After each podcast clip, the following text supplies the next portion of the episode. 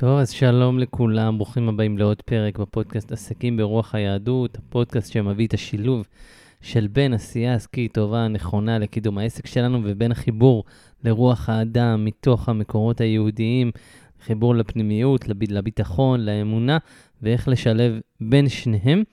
ואנחנו בפרק uh, סופר מיוחד ומרגש ככה לפני, ממש לפני חג הפסח. קראתי לו 17 דברים מתוך ההגדה ואיך להשפיע על ההצלחה ועל העסק שלנו. אז ככה אנחנו ניכנס לתוך ה, מה שנקרא ההגדה הזאת, הדבר הזה שאנחנו עושים מדי שנה. חלקנו ככה קוראים את זה ועד שהגיע האוכל, חלקנו אולי קצת יותר מתעמקים ומבינים.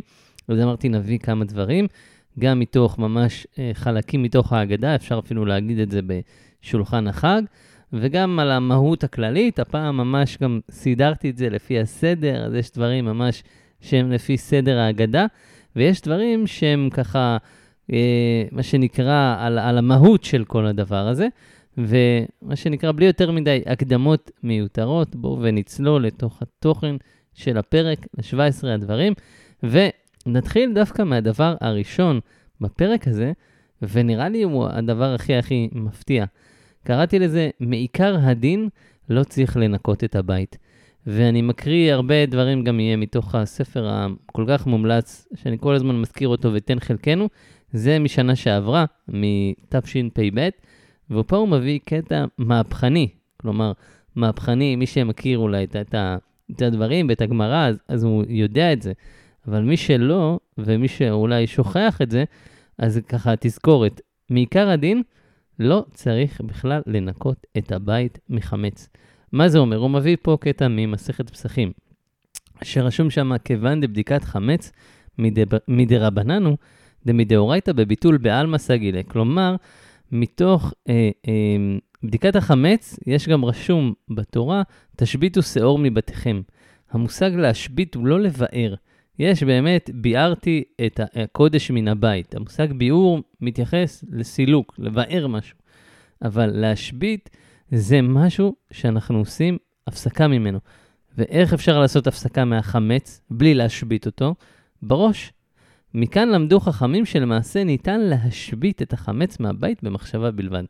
כלומר, כל המושג הזה של הניקיונות לפסח וההתרצצויות וכל זה, לכאורה הוא, הוא לא היה צריך מדאורייתא, כמובן שמדרבנן אה, אמרו את זה כדי שאנחנו לא אה, ניפול ו, וניכשל, כי זה מאוד מאוד קשה, אה, ש, שרק מבטלים במחשבה לא לעבור על בל ייראה ובל יימצא. אבל תחשבו על זה שמעיקר הדין, השינוי היה יכול להיות רק במחשבה. ורושם ככה, באמצעות מחשבה בלבד, יכול האדם לשנות את משמעותה של המציאות מקצה אל קצה. כלומר, בן אדם יכול לבוא ולראות את החמץ שיש בבית ולהגיד, אני מבטל את זה, והחמץ מבוטל. כאילו, יש את אותה מציאות, אבל עשינו פעולת מחשבה, והמציאות השתנתה. וזה מדהים, הוא גם משתמש פה בהמשך הקטע, הוא קורא לזה לעבור מיתוג מחדש. כשישר שהם גם מביאים מושגים מעולם העסק, אז גם מיתוג, מיתוג מחדש, ישר מקפיץ לי. ובאמת, המהות, לפחות הדבר הראשון שאמרתי, אני בטוח אפתח איתו את הפרק, זה שאנחנו יכולים לקחת את הזמן הזה וכל זמן, ולעשות לנו מיתוג מחדש במחשבה. עד עכשיו הרגשנו שאנחנו לא מצליחים מספיק, שדברים לא קורים, שכל מיני, כל אחד ומה שהוא עובר, אופס, אפשר ככה להגיד, אני עכשיו חושב אחרת, ובזכות המחשבה הזאת גם המציאות תתחיל להשתנות, וכמובן, גם כשאני חושב אחרת, אני פועל אחרת. אז באמת כל אחד יכול לקחת את המהות של הדבר הזה, שאפשר לבטל חמץ רק במחשבה. כן, מי ששומע את זה בטח יגיד, כל החודש הזה ניקיתי את הבית לפסח, מה זה? הייתי מבטל במחשבה, כן? אבל באמת המהות של הדבר הזה, לעבור מיתוג מחדש, לבטל במחשבה, לקחת את זה לתוך העשייה שלנו בחיים, ובפרט בעסק, ולהתחיל לחשוב אחרת, לשנות את המציאות כבר במחשבה שלנו, ומתוך השינוי המחשבתי הזה, לפעול אחרת להצלחת העסק. אז זה היה הדבר הראשון והמדהים ובעיניי פורץ דרך, שקראתי את זה עוד פעם, ככה שהכנתי את הדברים לפרק, אז קראתי את זה שנה שעברה, ואז נזכרתי בזה ואמרתי, וואו, זה מטורף, שכחתי מזה לגמרי. הדבר השני שאני רוצה להביא זה מתוך ה, מה שנקרא הסדר של ההגדה, יש לנו כרפס ואז יש לנו יח"צ. ופה קראתי את זה בהגדה של פסח של הרב זמיר כהן, ממליץ בחום, בחום, בחום, אני יודע ש... להספיק לקנות את זה בטח יום לפני זה בלתי אפשרי, אבל אולי לשנה הבאה, אולי, לא יודע, אני ממליץ על זה מאוד. מי שיש לו אז, אז יזכה. ובאמת, מתוך הדבר הזה שנקרא יח"צ, כלומר, לוקחים שלוש מצות. שלוש מצות הן כנגד אברהם, יצחק ויעקב, וחותכים את המצה האמצעית. והמצה האמצעית היא כנגד יצחק, ופה הוא מביא משהו מאוד מאוד יפה, יש סיפור בגמרא, לא רק נביא אותו בנקודה, הוא יחסית מוכר, שקדוש ברוך הוא בא לאברהם, יצחק ויעקב, ואמר לה, אמר להם, ב, אה, אה, כאילו הוא אמר, בניכם חטאו, ואברהם אמר לו, אם בניך חטאו, אמר, ריבונו של עולם, ימחו על קדושת שמך, וגם יעקב אמר את זה, והוא לא ציפה, הוא אמר, גם אברהם הוא מידת החסד, הוא בטוח יסנגר עליהם. גם יעקב, הוא, הוא עבר צער גידול בנים, הוא בטח יסנגר עליהם, ודווקא מי שמידת הגבורה, יצחק, הוא דווקא שסינגר, ויש שם מהלך מאוד מאוד יפה, שהוא בעצם, ככה, הוא מסביר למה, בסדר, בניך חטאו, אבל למה זה לא כזה נורא. אבל מה שהנקודה המאוד מאוד יפה שאני רוצה להביא, זה שהוא אומר, אם אתה לא לוקח את כל העוונות של עם ישראל עליך, אז בוא נעשה ככה, חצי עליי וחצי עליך. פלגה עליי ופלגה עליך, וזה בעצם מה שככה רמז לדבר הזה יח"צ, שאנחנו חוצים את המצה, אנחנו בעצם מזכירים לנו את, ה, את היח"צ הזה.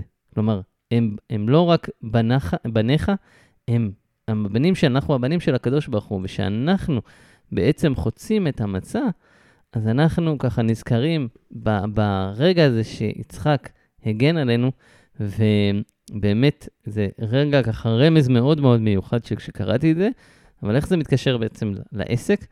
אז בעצם בעסק אנחנו יודעים שיש פעולות רוחניות שמשפיעות על ההצלחה. אחת הפעולות שאני מזכיר את זה הרבה, זה נקרא סנגוריה על ישראל. ומאיפה גם אני ככה עשיתי את הקישור, אז באמת שגדעון התמנה להיות אה, שופט, אפשר לראות את זה בספר שופטים ו', אה, בעצם המלאך אומר לו, לך בכוחך זה, הוא סינגר על ישראל, לא נביא גם שוב את כל המהלך כדי לא להאריך, אבל הוא, המלאך אומר לו, אחרי שהוא סינגר על ישראל, הוא אומר, לך בכוחך זה. ורש"י רושם שם, בכוח הסנגוריה שלימדת את בני ישראל. כלומר, בזה שגדעון סינגר על עם ישראל, הוא זכה להיות שופט.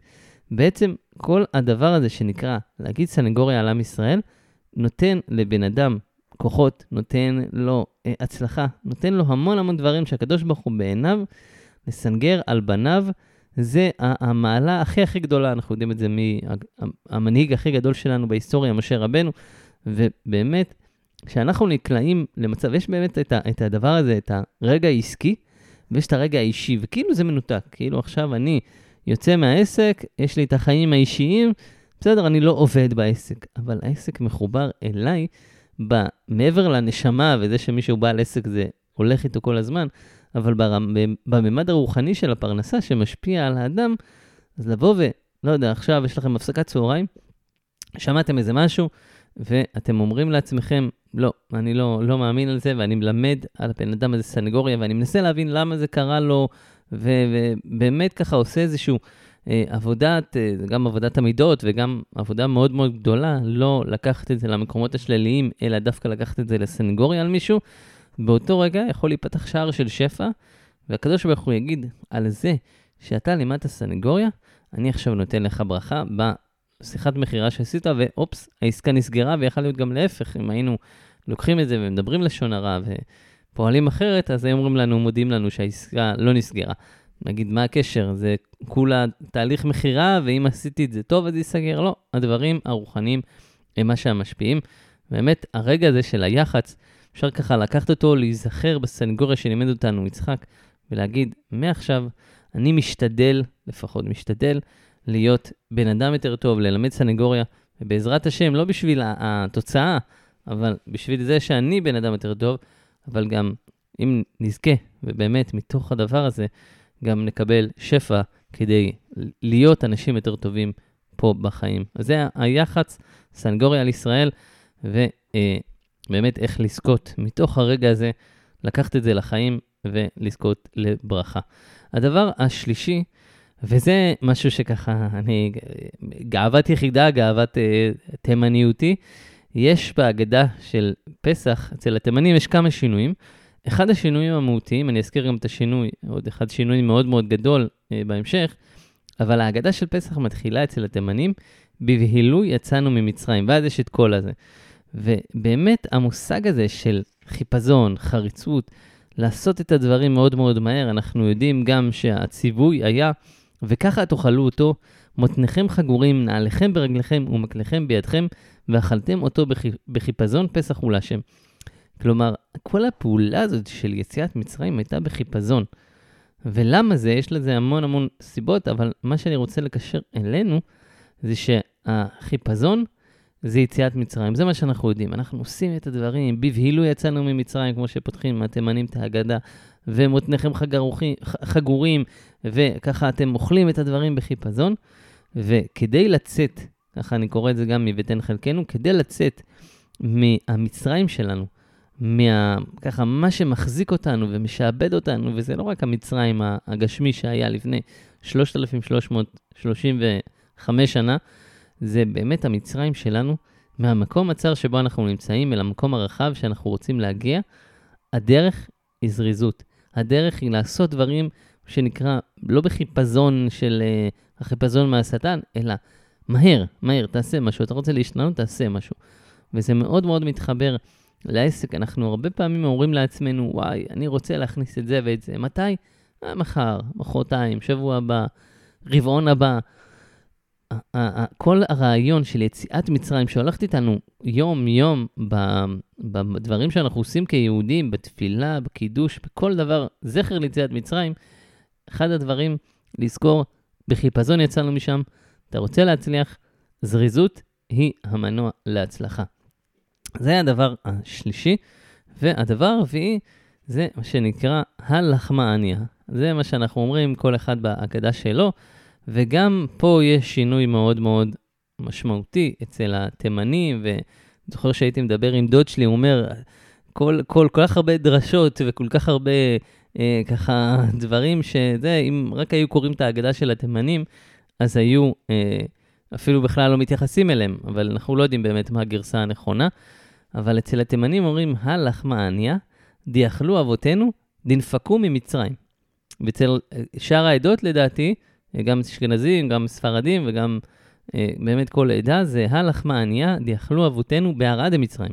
כלומר, השינוי הוא שפה, אצל התימנים אומרים, אכלנו את זה רק כשהתחלנו לצאת ממצרים, כי זה באמת היה ככה, אכלנו את זה מהר, ובשאר האגדות זה שאכלו גם במצרים. זה לא כזה משנה יותר מדי לענייננו פה, אבל זה באמת ככה משהו שאנחנו, אם אנחנו רוצים לקחת אותו, זה את המושג, כולם אומרים הלחמניה. אם אכלו את זה במצרים או אכלו את זה רק מיציאת מצרים והלאה, פחות מעניין, אבל כל דכפין יתה ויכול. כלומר, המהות הזאת של הלחמניה זה לחם העוני, זה המצה, היא נשארת לנו לפסח, וככה אנחנו פותחים את ההגדה. ולמה אנחנו פותחים ככה? כי זה בהרגשה. באמת, כשאנחנו אה, רוצים לגרום לבן אדם להרגיש שווה אלינו, אז אנחנו מקרבים אותו על ידי זה שהוא גם ירגיש. תחשבו שאם עכשיו היה מישהו עני, והיה בא לשולחן מלא מלא בטוב ובאוכל ודברים כל כך יקרים, הוא היה מרגיש מאוד, כאילו היה מתבזה קצת, הוא היה אומר, זה, התחושה שלי לא טובה, אני יודע שזה לא מה שקורה אצלי ביום-יום. אז לרגע אחד אולי כן, אבל שאר היום לא. ו- כשבאמת רוצים, הרי כל המהות של ההגדה וכל הלילה הזה זה לקרב אותנו ולדבר ולהגיד, ו, וכל המהות שכולנו נרגיש שווים. ואיך מרגישים שווים? מביאים דברים כמו המצה, שזה לחם עוני. גם העשיר הכי גדול וגם העני הכי גדול, שניהם אוכלים מצה, לחם עוני, ושניהם מתחברים לפחות לרגע אחד להיות שווים. ופה גם אני אקריא, כשאתה רוצה לקרב לאנשים אל תעצים את ההבדלים ביניכם, להפך, הקטן אותם, ולפעמים תיטב לעשות אם גם תציג את החולשות שלך. כולם יתחברו אליך ויאהבו אותך.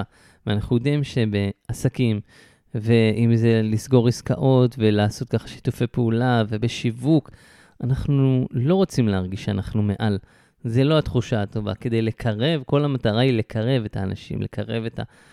שירצו לשמוע מאיתנו שיווק, וש... יבואו לקורסים שלנו ויקנו מאיתנו מוצרים ויהיו קרובים אלינו, זה לקרב. איך אפשר לקרב?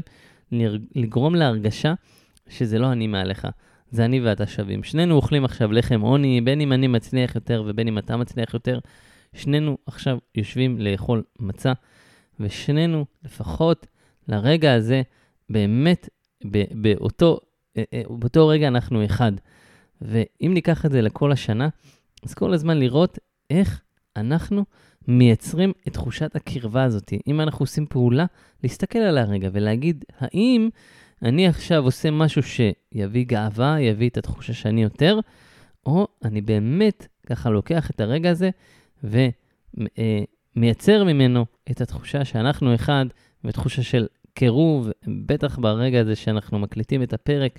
עם כל הככה, מה שהולך בחוץ, נקרא לזה הפילוג בעם, אבל אנחנו תמיד היינו חלוקים כבר אלפי שנים, אבל עכשיו זה ממש ככה יוצא לרחובות. אם ניקח את זה לתחושה שאנחנו אחד וכולנו שווים, אז באמת אנחנו נוכל לעשות דברים מאוד מאוד יפים בעסק ולקרב אלינו אנשים בפעולות שאנחנו עושים. זה הדבר הרביעי. הדבר החמישי זה מה שאנחנו מכירים, מה נשתנה, מה נשתנה הלילה הזה, שואלים שאלות. אה, באמת מתוך השאלות קלטתי שבעצם כל המהות של מה נשתנה זה כדי לגרום ככה לילדים לשאול ולהתעניין ולהכניס אותם לתוך הדבר הזה, לתוך ההגדה. הם ישאלו שאלות ואנחנו נגיד להם, הופה, הנה התשובות, בואו ותשמעו. ובאמת כל המצוות ההגדה הזה, והגדת לבניך, כלומר, אנחנו יודעים את ההגדה, עוד רגע גם נגיע לכולנו חכמים, כולנו נבונים, גם אנחנו חייבים בזה, אבל המהות היא להגיד לילדים ולהעביר את זה הלאה. והדרך לשם היא על ידי שאלות. שאלות מייצרות סקרנות. וכשחשבתי על זה אמרתי, וואו, כאילו, שאלות בכתיבה השיווקית, זה אחד הדברים שהכי מסקרנים, שהכי גורמים לבן אדם להקליק, שרוצים לבן אדם לשמוע עוד. ואיך אנחנו יכולים לקחת את זה? אז כל, באמת, אחד הדברים שאני ממליץ, אה, אם רוצים לכתוב על משהו, למשל על להיכנס לתוכן שלנו, או, או לקורס, או להדרכה, או לדברים כאלה. אפשר, יש כמה דרכים לכתוב ולספר על הדבר הזה. אחד הדרכים שאני ממליץ זה שאלות. לעשות בין שלוש לחמש שאלות, לא יותר. אחרי זה פסקת אה, אה, הסבר על, נגיד אם אני עכשיו בוחר פרק פודקאסט, פסקת הסבר, ומשם לינק לפרק. מה זה אומר? אני יכול ככה לקחת את הפרק ולהגיד, אה, מה הקשר בין הלחם העוני להצלחה בעסק. איך זה, איך על ידי שאלות אפשר לגרום לבן אדם להתקרב אלינו. ומה ככה וככה יביא זה. אז כלומר, אם אני מביא כמה וכמה שאלות, ואז זה אומר, בפרק הקרוב שעשיתי, דיברתי על 17 דברים מתוך אגדת הפסח ואיך זה מתקשר לעסק, כל הפרטים, ולשמיעת הפרק לחצו על הלינק. כלומר, כשאני עכשיו בוחר כמה וכמה שאלות, לא הכנתי את זה ממש לפני, כפי שאתם שומעים, אבל לפחות אני מקווה שהבנתם את המהות. כשאני שואל כמה שאלות מאוד מאוד חזקות, אני יכול להגיד, למשל, אם כך אפילו בנושא אחר, איך להקטין את זמן הבישול של תפוחי אדמה בחצי, ועדיין שהם יהיו טעימים הרבה יותר. מה הדבר הזה, מה הסוד שאם נעשה אותו, ילדים יקשיבו לנו כל הזמן? כלומר, שאני שואל שאלות מאוד מאוד מסקרנות, ואני לא, לא משקר, אני, אני באמת מביא לזה את הפתרון בפרק, בהדרכה, במה שאני מניע אליו אחרי זה, אבל כשאני שואל את בצורה, בצורה מסקרנת וזה מדבר לקהל היד, הוא יגיד, וואו, כאילו, מה זה הדבר הזה? אני חייב לדעת את התשובה, איפה זה נמצא, אני מקליק ורוצה לשמוע אותה. ובאמת, שאלות, אנחנו לומדים את זה ממה נשתנה, כדי לגרום לילדים להתעניין ולכולם להתעניין, אנחנו ממש פותחים בהתחלה במה נשתנה הלילה הזה. מתוך השאלות אנחנו מייצרים סקרנות, ואז עוברים לכל ההגדה. אז זה היה הדבר החמישי. הדבר השישי הוא ככה המשך למה שאמרנו, כולנו צריכים לשמוע את ההגדה, וזה באמת מצוין, אפילו כולנו חכמים, כולנו נבונים, כולנו יודעים את התורה, מצווה עלינו לספר ביציאת מצרים, ולכל המרבה לספר ביציאת מצרים, הרי זה משובח. אז זרע שמשון מביא קטע, וואו, ממש ממש מיוחד ומדהים, והוא שואל, מה החידוש בזה שכולנו חכמים, אנחנו צריכים לספר ביציאת מצרים? כאילו, מה, מה הקטע? הוא אפילו מביא סלקא דעתך, הוא ככה רושם במילים שלו, מה השתגעת, מה שנקרא, אה, אה, הסתלקח ממך המחשבה, אה, השתגעת מה שאנחנו אומרים. מה, הם לא היו אומרים את ההגדה? אז הוא מביא קטע מאוד מאוד יפה, הוא מביא סיפור המובא בגמרא בסנהדרין קד, על גוי שודד דרכים ששבה שני יהודים באזור הר כרמל. אני מקריא את זה מתוך, אה, מעבר לסגולה של הרב אליהו עמר, שהוא מביא פירושים מאוד מאוד יפים על הזרע שמשון, והוא גם הוציא סדרה, יש לו סדרה על פרשות השבוע, ויש לו גם סדרה על המועדים. אה, והוא מביא ככה, הוא אומר, על מנת שלא יברחו השבויים, הלך הגוי מאחוריהם כשהם מהלכים לפניו. במהלך המסע שמע הגוי שהיהודים השבויים משוחחים ביניהם שיחה מוזרה. אמר האחד לחברו, לפנינו מהלך גמל עיוור בעין אחת. הגוי הביט אל האופק ולא ראה אף גמל, אך השיחה בין השניים המשיכה להתנהל. הגמל טעון בשני נודות משקה. אומר השבוי היהודי לחברו, נוד אחד ביין והנוד השני בשמן. את הגמל מנהיגים שני אנשים, אחד יהודי והשני גוי. וככה הגוי שומע את השיחה שלהם, ובאיזשהו שלב הוא אומר להם, אתם, משגעים אותי, אין פה שום גמל, איך אתם בכלל יודעים שהגמל עיוור, ואיך אתם יודעים ש... איך אתם יודעים את כל הדברים האלה? אה, רשום שם בזה, כדי לא להיכנס, אז הם הסבירו לו את כל המהלך, ובאמת הוא אחרי זה גילה שהם צדקו. ובעקבות זה שהם צדקו, אז הוא שחרר אותם, וככה זרע שמשון מביא את הסיפור הזה, וכאילו הוא מראה לנו, תראו, כולנו חכמים, כולנו נבונים, אני בן אדם חכם, אני יכול גם להשתחרר מהשווה שלי. והוא גם מביא, מזכיר את זה שגם על יוסף נאמר שיוסף נהפך להיות שליט מצרים, והוא יצא מעבדות להיות מושל, כשבעצם פרעה אומר, לא ראית, לא מצאתי אה, אה, אדם נבון וחכם כמוך. ובגלל החוכמה הוא גם משתחרר. אז הוא אומר פה, הוא אומר פה מדגיש בעל ההגדה, שאף החכמים חייבים לספר. כלומר, בן אדם חכם היה יכול להגיד, תשמעו, אני כל כך חכם, הייתי יכול להשתחרר ממצרים בזכות החוכמה שלי. ופה הוא בא להדגיש, לא, לא, לא. גם אם אתה חכם ויש סיפורים, כמו שהבאנו על יוסף, הסיפור בגמרא, ועוד הרבה הרבה סיפורים שאנשים חכמים ידעו בזכות החוכמה שלהם להשתחרר, תדע לך שגם אם היית כזה כזה חכם, ממצרים לא היית יכול להשתחרר, אלמלא הקדוש ברוך הוא. ומעבר לזה שזה חידוש מדהים ומיוחד, מה הקשור אלינו ולהצלחה? אז באמת, אחד הפסוקים שישר קפצו לי, זה פסוק מקהלת, פסוק יחסית מוכר, לא לחכמים לחם. כלומר, אנחנו יכולים לחשוב שבגלל שאני כזה חכם ועשיתי מלא קורסים ואני באמת בן אדם מבריק ויש לי את כל מה שצריך כדי להצליח, בוודאות אני אצליח. ופה אנחנו נזכרים ואומרים, לא. אם הקדוש ברוך הוא לא יפסוק ולא יגזור שבן אדם הצליח, לא משנה כמה החוכמה שלו, ואנחנו מכירים מלא מלא אנשים חכמים שלא הצליחו, כמו שקהלת אמר לנו, לא לחכמים לחם. וככה מזכיר, הקטע הזה מתוך ההגדה, לפחות אה, עבורי שאני אקרא את זה, וגם הפירוש היפהפה מהזרע שמשון, כולנו חכמים, אל תחשוב שבזכות החוכמה שלך כל דבר יעבוד, ומי שיש לו מספיק ניסיון בעסקים ובדברים, יגיד, וואו, כמה פעמים אמרתי, זה מהלך גאוני וחכם ואין סיכוי שזה ייכשל, וזה לא הצליח. מה שאנחנו רוצים לקחת מהקטע הזה, לזכור שאלמלא הקדוש ברוך הוא, אם הוא לא יעזור לנו, שום חוכמה ושום תחבולה ושום דבר מדהים ככל שיהיה, לא יוכל להצליח. וזה רגע, לפחות עבורי, ולפחות אני ככה מעביר את זה בפרק, שכולנו חכמים, כולנו נבונים, אנחנו עדיין צריכים את העזרה של הקדוש ברוך הוא. זה דבר כל כך מהותי להצלחה בחיים ובעסק. אנחנו ממשיכים לדבר השביעי, כנגד ארבעה בנים דיברה התורה. אז מי שמכיר את המושג הזה, ארבעה סגנונות תקשורת, זה כל כך מתחבר לעכשיו. כנגד ארבעה בנים דיברה התורה, התורה באמת רושמת בכמה, בארבעה פסוקים, שלושה מהם בספר שמות, אני לא זוכר אותם כרגע, ואחד בספר דברים. באמת, ארבעה, דבר, ארבעה בנים, ח, חכם, רשע, שאינו יודע לשאול ותם. וזה חיבר אותי למה שנקרא ארבעה סגנונות תקשורת. וכבר אז התורה, בחוכמתה, אמרה לנו, תקשיבו, יש אנשים שונים, לא לכולם לדבר באותו אופן. ומי שככה קצת אה, מכיר, עשה סדנאות, או לפחות בכללי, יש אה, מה שנקרא, מחלקים את זה לארבעה סגנונות תקשורת. ארבעה סוגי אנשים, וכל אחד מתקשר בצורה אחרת.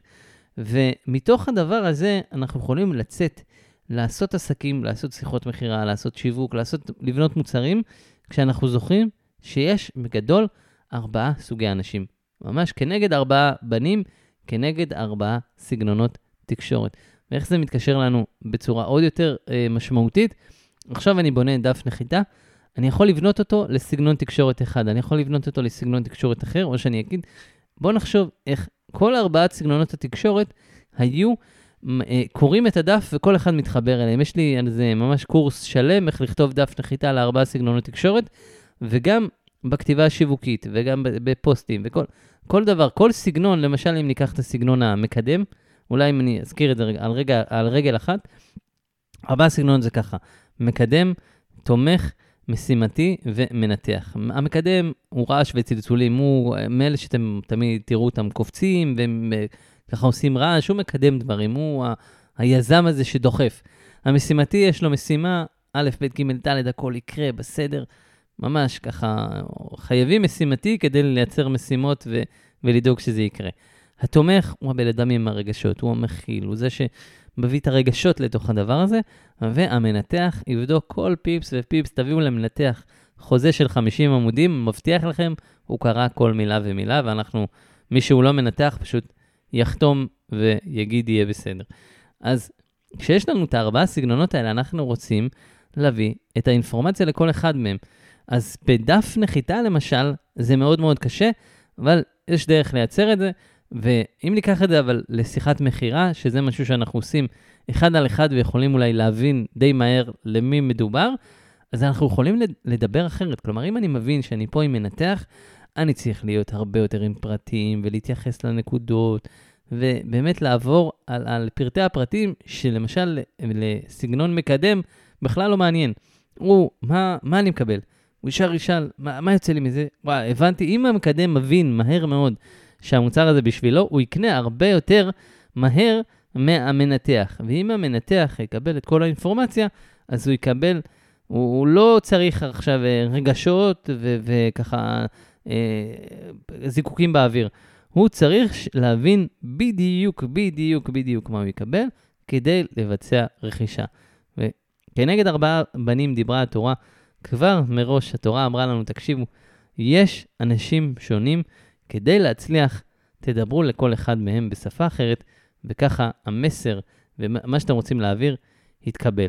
זה הדבר השביעי. הדבר השמיני, האגדה, אנחנו קוראים אותה, אלא נאמר, בשעה שיש מצה ומרור מונחים לפניך. ואם אנחנו ככה מדברים על זה שכל המהות של האגדה, שהילדים ישמעו, שאנשים ישמעו, ו... אז נאמר, אתה צריך לעשות את זה בזמן שמצה ומרור מונחים לפניך. שוב אני מקריא מהאגדה של הרב זמיר כהן, אז הוא מביא פה שהרי גדולה לגימה שמקרבת את הרחוקים, זה נאמר במסכת סנהדרין.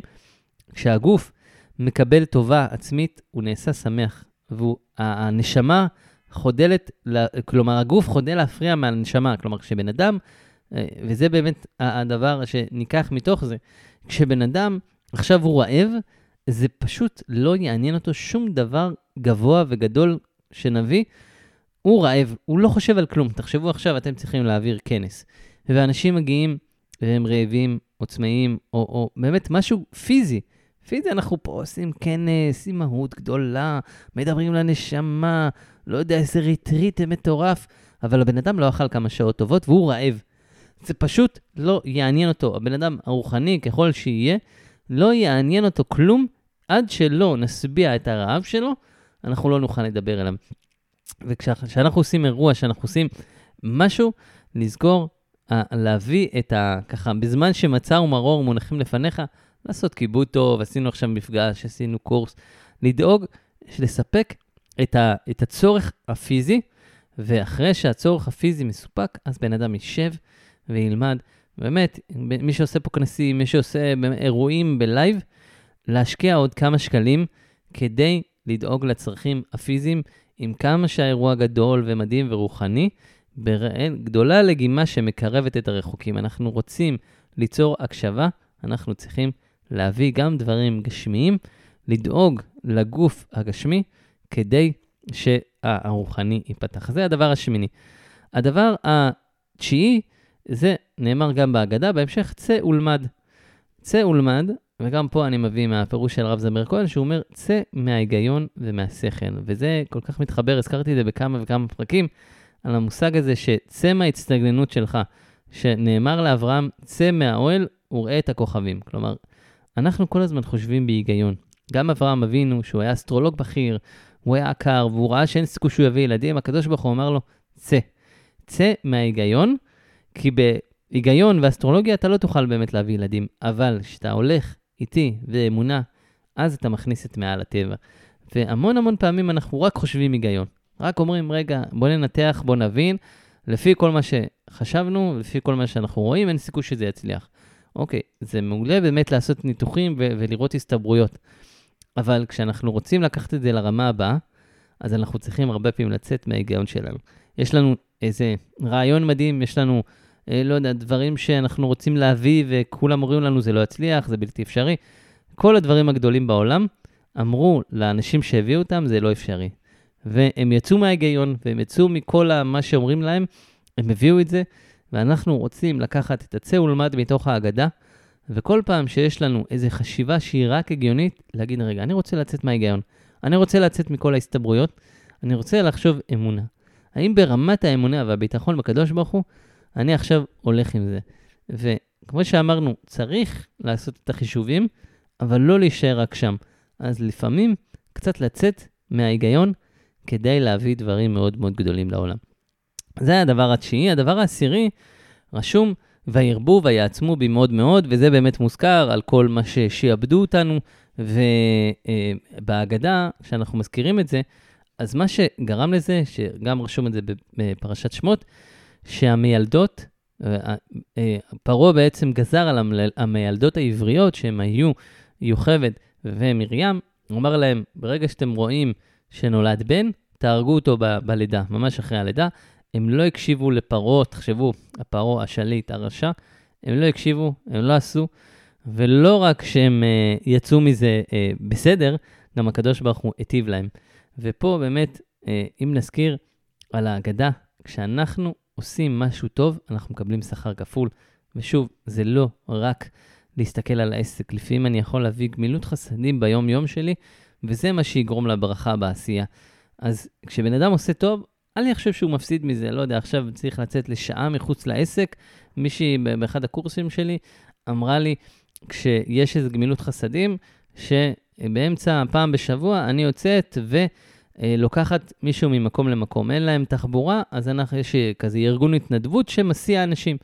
ובאמת, כאילו, באמצע יום עבודה, באמצע טירוף של העסק, לצאת ולעשות את הגמילות חסדים הזה, נראה כאילו אנחנו מפסידים עכשיו. ולהפך, כאשר האדם עושה טוב, יש לו שכר כפול. הוא גם הקדוש ברוך הוא ייתן לו יותר שפע וטובה כדי להצליח בחיים וכדי להמשיך ולייצר טוב בעולם, וגם השכר הרוחני שהוא מקבל, שאנחנו יודעים מתוך uh, המשנה, שיש דברים שאדם עושה ומקבל, גם מקבל את הקרן בעולם הזה, והקרן נשארת לו לעולם הבא. ברח לי עכשיו הפסוק המדויק, אבל אחד מהם זה גמילות חסדים. כשאדם עושה גמילות חסדים, יש לו גם מה שנקרא, הוא מקבל דיבידנדים, ועדיין הכמות מניות שלו נשארת.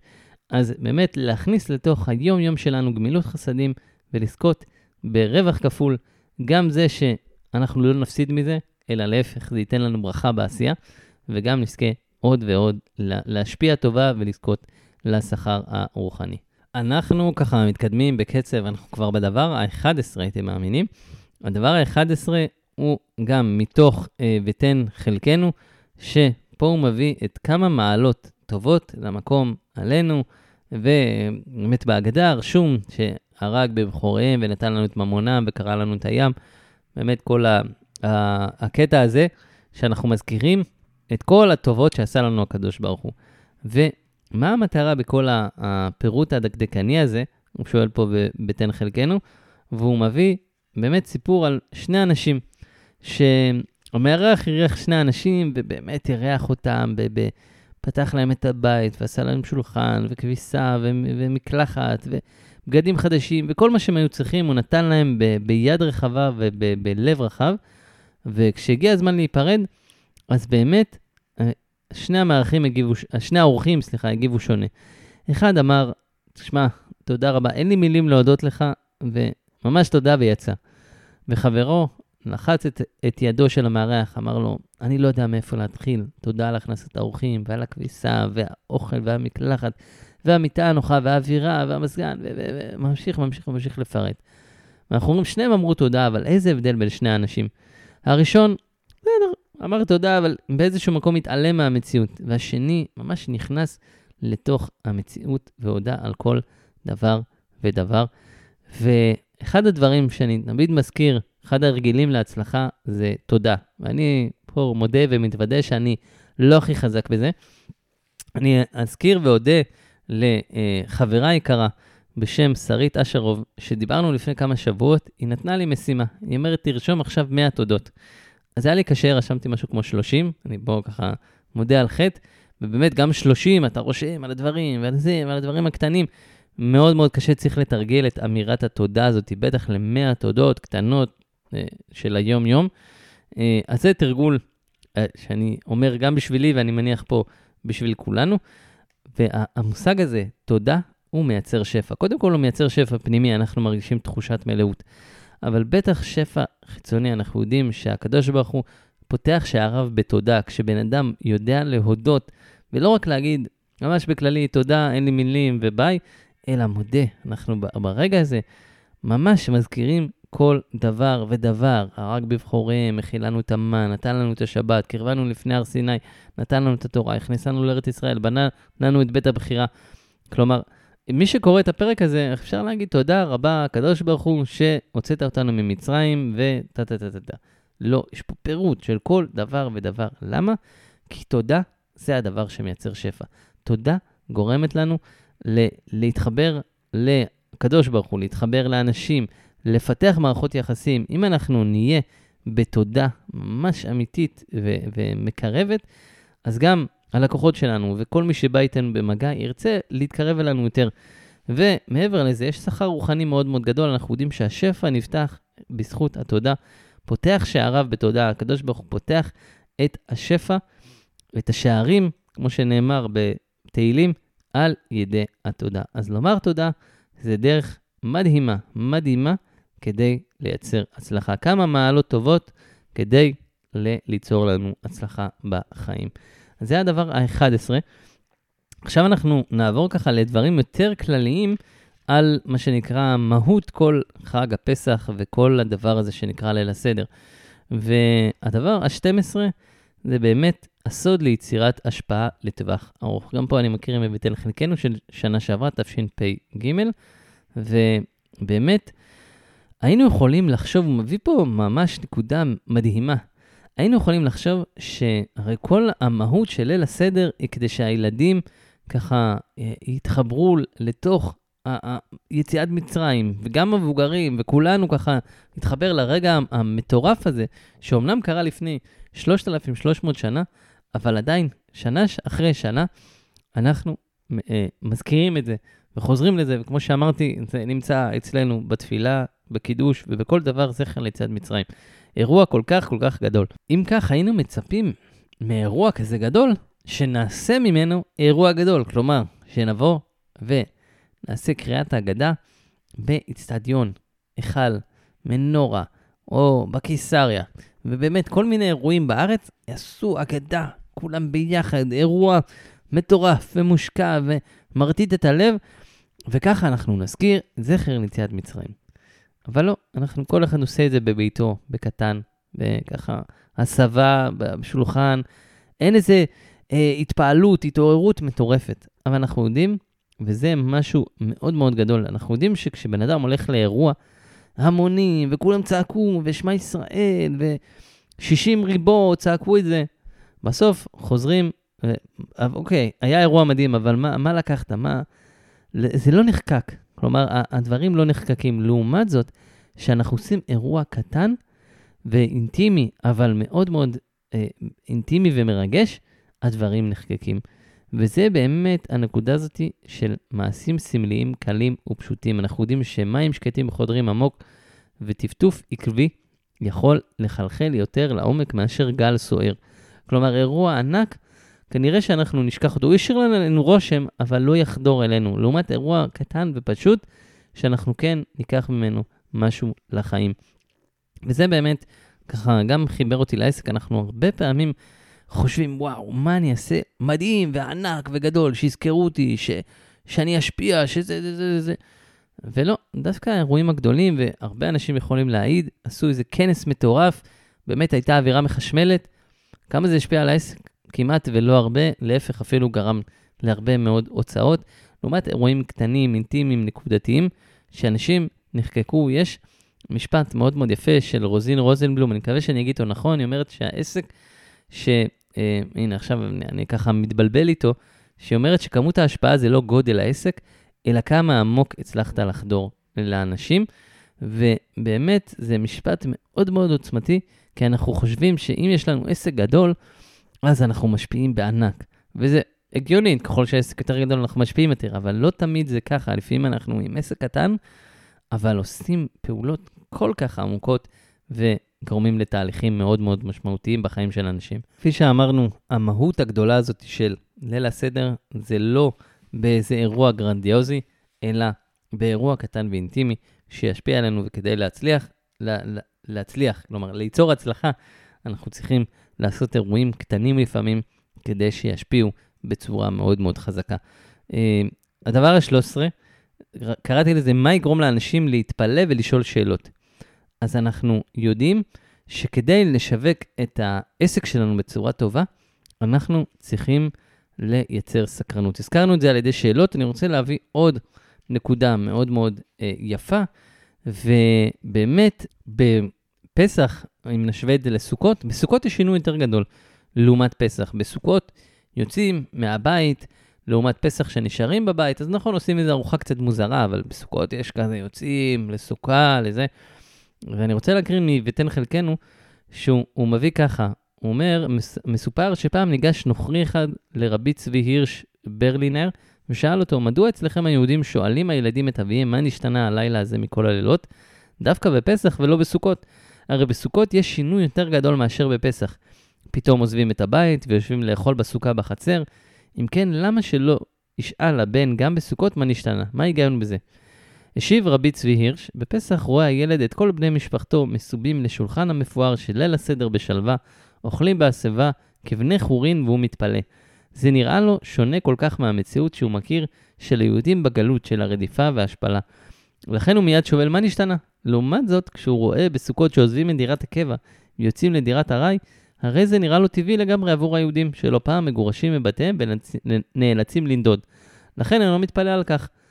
זוהי תשובה של הומור עצוב, אבל יש בה גם מסר אמיתי. אנשים לא שואלים שאלות על המציאות שהם רגילים אליה. היא נראית להם מובנת מאליה, בין אם היא לטובה או רעה. רק כאשר קורה משהו חריג, אנשים מתפלאים ומתחילים לשאול, אבל לא כך צריך להיות המצב. ובאמת, אמ, אם אנחנו ככה רוצים לקחת את זה לתוך העסק שלנו, אז אנחנו רוצים לייצר סקרנות בשיווק העסק. והסקרנות, נכון, כפי שאמרנו, בסוכות לכאורה אמור להיות יותר להגיד מה, מה קורה פה, אבל סוכות, כמה שזה עצוב להגיד, לצאת ל- ל- ל- לדירת ארעי אצל היהודים זה משהו של בשגרה, לפחות ככה היה בגולה, ברוך השם יש לנו את המדינה שלנו, אבל פעם זה לא היה כזה, בסדר, אז יצאנו לסוכה, אנחנו כנראה מתכוננים ל- לעזוב ולנטוש ליעד הבא שלנו כיהודים. אבל דווקא בפסח, אנחנו בני חורין, זה מייצר סקרנות.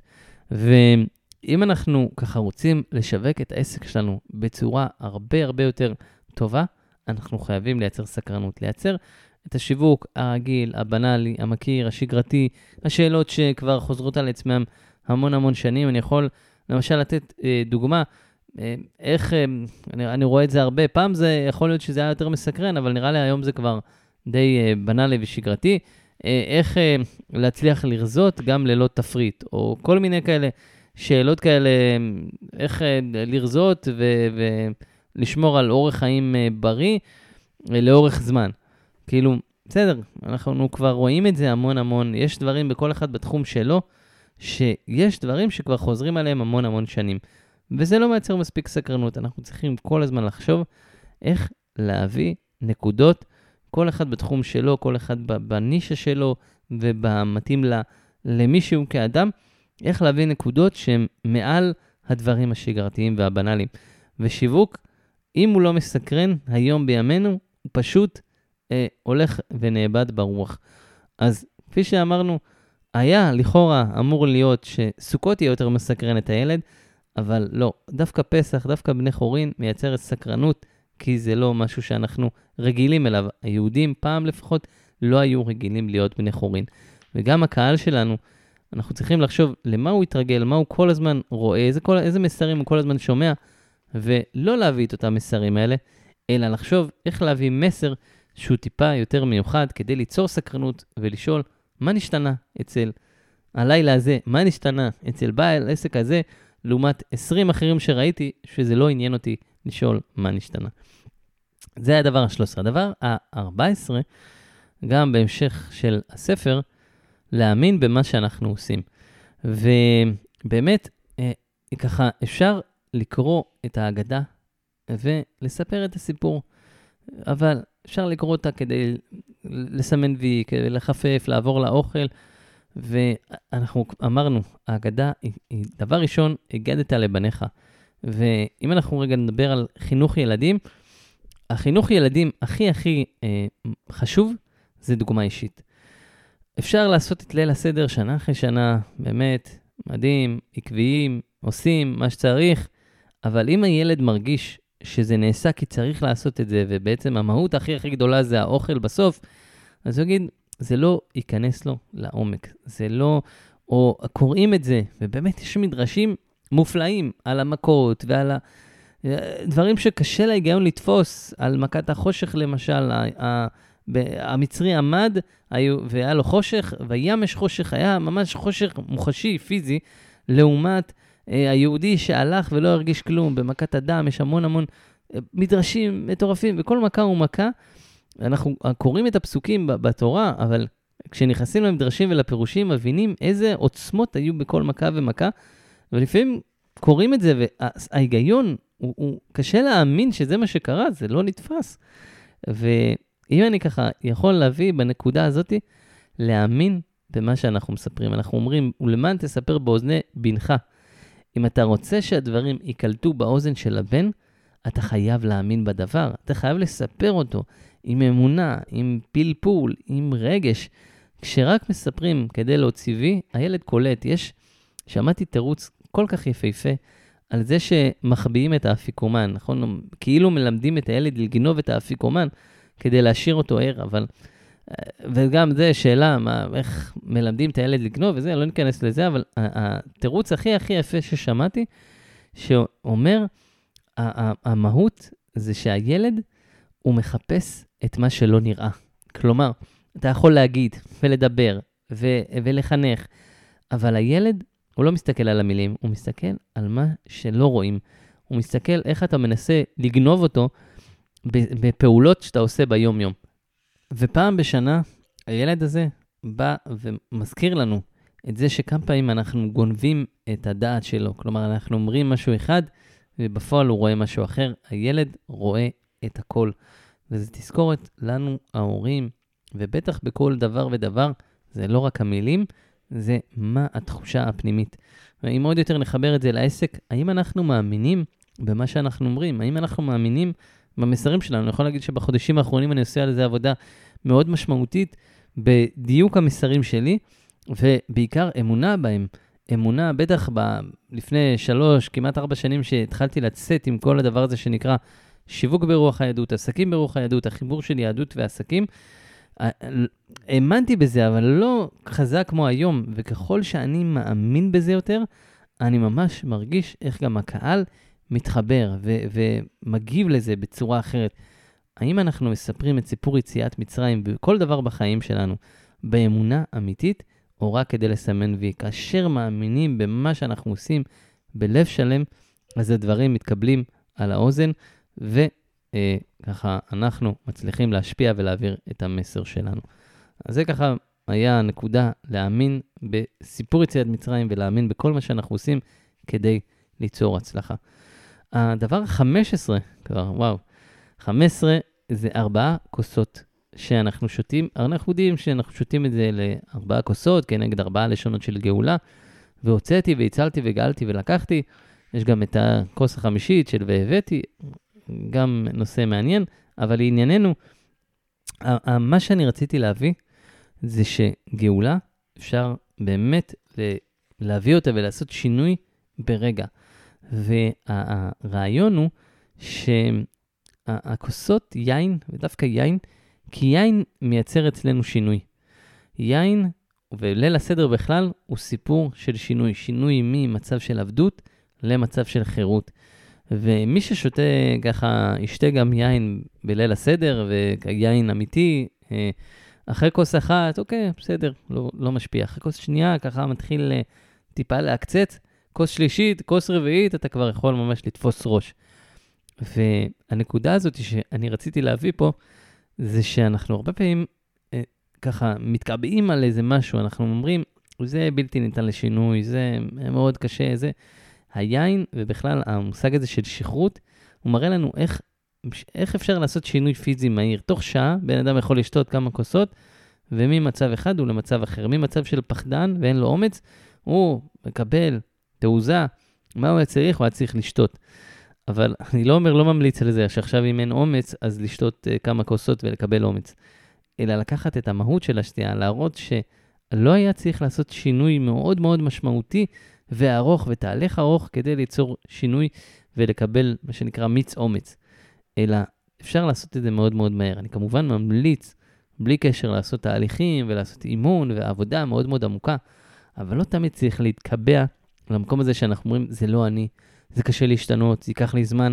לא, תראה, תוך ארבע כוסות אתה כבר נהיית, קיבלת את השינוי. לקחת את, ה, את הדבר המחשבתי הזה ולא לקפוא על השמרים, ולא להגיד, עד שיהיה ככה וככה, אני אוכל לעשות שינוי. לא. הנה, ארבע כוסות, כבר בן אדם משתנה, וזה משהו מאוד מאוד מהותי ועמוק.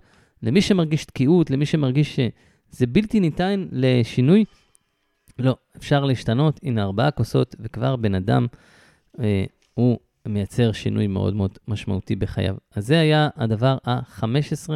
שינוי אפשר לעשות מאוד מאוד מהר, וארבעה כוסות ממחישים לנו בצורה פיזית גם עד כמה. הדבר ה-16 נגיע לנקודה מאוד מאוד משמעותית של חמץ, זה בעצם שינוי הרגלים. וגם מי שמכיר, יש לימימה, היא אומרת על חמץ, זה חייב, מוכרח, צריך. באמת, להתחיל לשנות הרגלים. ואת זה כבר פתחנו גם את הפרק, שחמץ אפשר לבטל רק במחשבה. ויש לנו הרגלים מאוד מאוד שורשיים. החמץ הוא ההרגל השורשי ביותר. בשונה מחזיר, למשל, אני מכיר בבטן חלקנו של השנה, תשפ"ג, אומר שחזיר הוא מחוץ לתחום, אין על מה לדבר. תחושת גועל עולה כשנזכרים בשם שלו.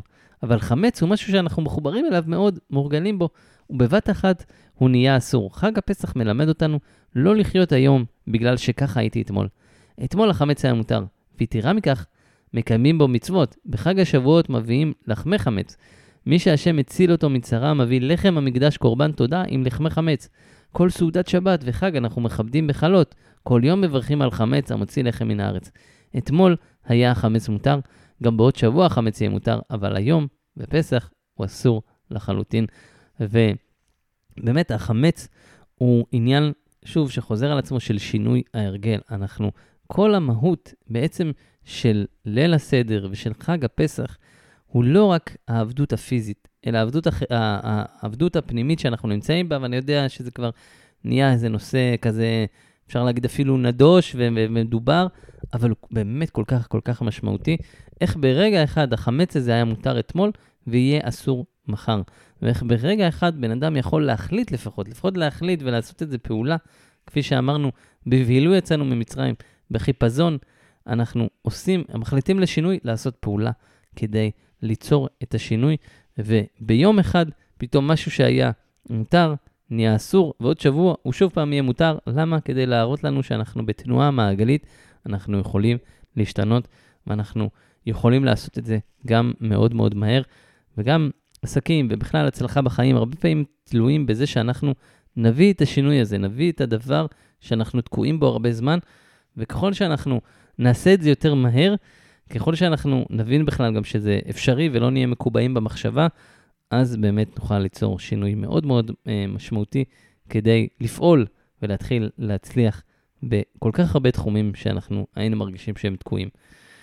הדבר ה-17, ומה שיסגור את הפרק בצורה מופלאה, אני לא יודע אם, אם, אם אמרתי את זה בתחילת הפרק, אני כבר עברה שעה ואני כבר לא זוכר מה אמרתי לפני שעה, אבל ה-17, אחרי זה שחשבתי על זה, יש לי גם פרק 52, אמרתי שם 34 משפטים מתוך באמת משפטים מאוד מאוד יפים, קראתי לזה פעמיים טוב, פעמיים כי טוב, וגם ההגדה, אגב, כשאמרתי 17, ישר חשבתי על טוב, אז אמרתי, רגע, ההגדה, ה', ג', ד', ה', בגימטריה, זה 17, לא תכננתי את זה, שנקרא, אה, זה גם לא מקרה, אפשר להגיד על משהו מקרה, אבל יצא מאוד מאוד יפה, שהגדה, 17 דברים להצלחה זה דבר, ה-17 שינעה לנו את הפרק, וככה גם הכניס אותנו למה שנקרא לאחרי חג הפסח, ומה שאנחנו אומרים, וספרתם לכם ממחרת השבת, מיום אביכם את את עומר התנופה, שבע שבתות תמימות תהיינה. אנחנו מחויבים לספור כל יום, יום ויום בספירת העומר, ובן אדם שמפספס יום אחד, אז הוא כבר לא יכול לספור בברכה. ובאמת, הדבר הזה, מה שנקרא, ופה ואתן חלקנו אומר את זה מאוד מאוד יפה, המפתח לעמידה ביעדים. מה זה המפתח לעמידה ביעדים? זה יום-יום לחזור על הדברים. תרגול קבוע. במשך שבעה שבועות, יום-יום, סופרים. וכל יום יש לו גם את הייחודיות שלו, אבל במה שנקרא בארון הספרים היהודי, חוזרים כל הזמן, יש לנו קביעות לכל כך הרבה דברים, לשגרתיות, לחזרתיות. אנחנו יודעים שההצלחה באה עם עקביות והתמדה. עקביות, להיות עקבי במסר שלנו, במה שאנחנו מביאים, והתמדה, לעשות את זה יום-יום או כמה פעמים בשבוע, לא שבוע כן, שבוע לא, שבוע למה לא, ולצאת מכל העקביות שלנו. אז באמת, ספירת העומר, שהיא בטח מגיעה אחרי כל מה שהזכרנו פה, ואם הצלחנו לעשות שינוי מאוד מאוד מהותי, אז אחרי שאנחנו עושים את השינוי המהותי הזה, אנחנו סופרים לפחות 7 שבועות, 49 יום, אה, על פי הרבה הרבה מחקרים צריך 21 יום, 30 יום, 40 יום, 50 יום. אני, אני חושב ש-49 יום שבן אדם עושה משהו עקבי יום אחרי יום, הוא בהכרח יראה שהדבר הזה ייכנס לו לחיים, הוא יעשה שינוי. ועקביות והתמדה זה חוק מפתח אצל היהודי כדי ליצור הצלחה. אז עם כל השינוי שעשינו בעזרת השם בפסח, אנחנו נתחיל לספור יום-יום ולראות כל יום ויום את הפעולות שלנו, את הדברים שאנחנו עושים, לקדם את החיים שלנו ואת העסק, ואם נעשה את זה במשך 49 יום, וככה נשמור על העקביות וההתמדה הזאת, אנחנו נראה דברים גדולים שיקרו לנו. אז ככה, אם אני, אני לא יודע איך, איך לסכם את, ה, את הדבר הזה, וניסיתי אפילו שזה יצא פחות uh, משעה כדי לא להאריך יותר מדי. Uh, באמת, לקחת את ההגדה, את ליל הסדר, את כל המהות הזאת של פסח, ואחרי זה לספירת העומר, כדי ליצור הצלחה בחיים. אני מאחל לכם ש... Uh, קודם כל אני מקווה שאהבתם את הפרק והנקודות דיברו אליכם. אם אתם אפילו תספיקו לשמוע את זה לפני uh, החג מחר, ולקחת אפילו נקודה או שתיים ולהרחיב עליה אה, בהגדה ולהזכיר איזה חידוש, איזה משהו יפה, כדי שלא, אה, זה פשוט יעבור ככה, בואו בואו בוא נקרא את זה מהר אה, עד שיגיע האוכל. ואני מאחל לכם חג שמח והמון הצלחה ובריאות ושמחה וכל משאלות לבכם. אה, בעזרת השם, נתראה בפרקים הבאים.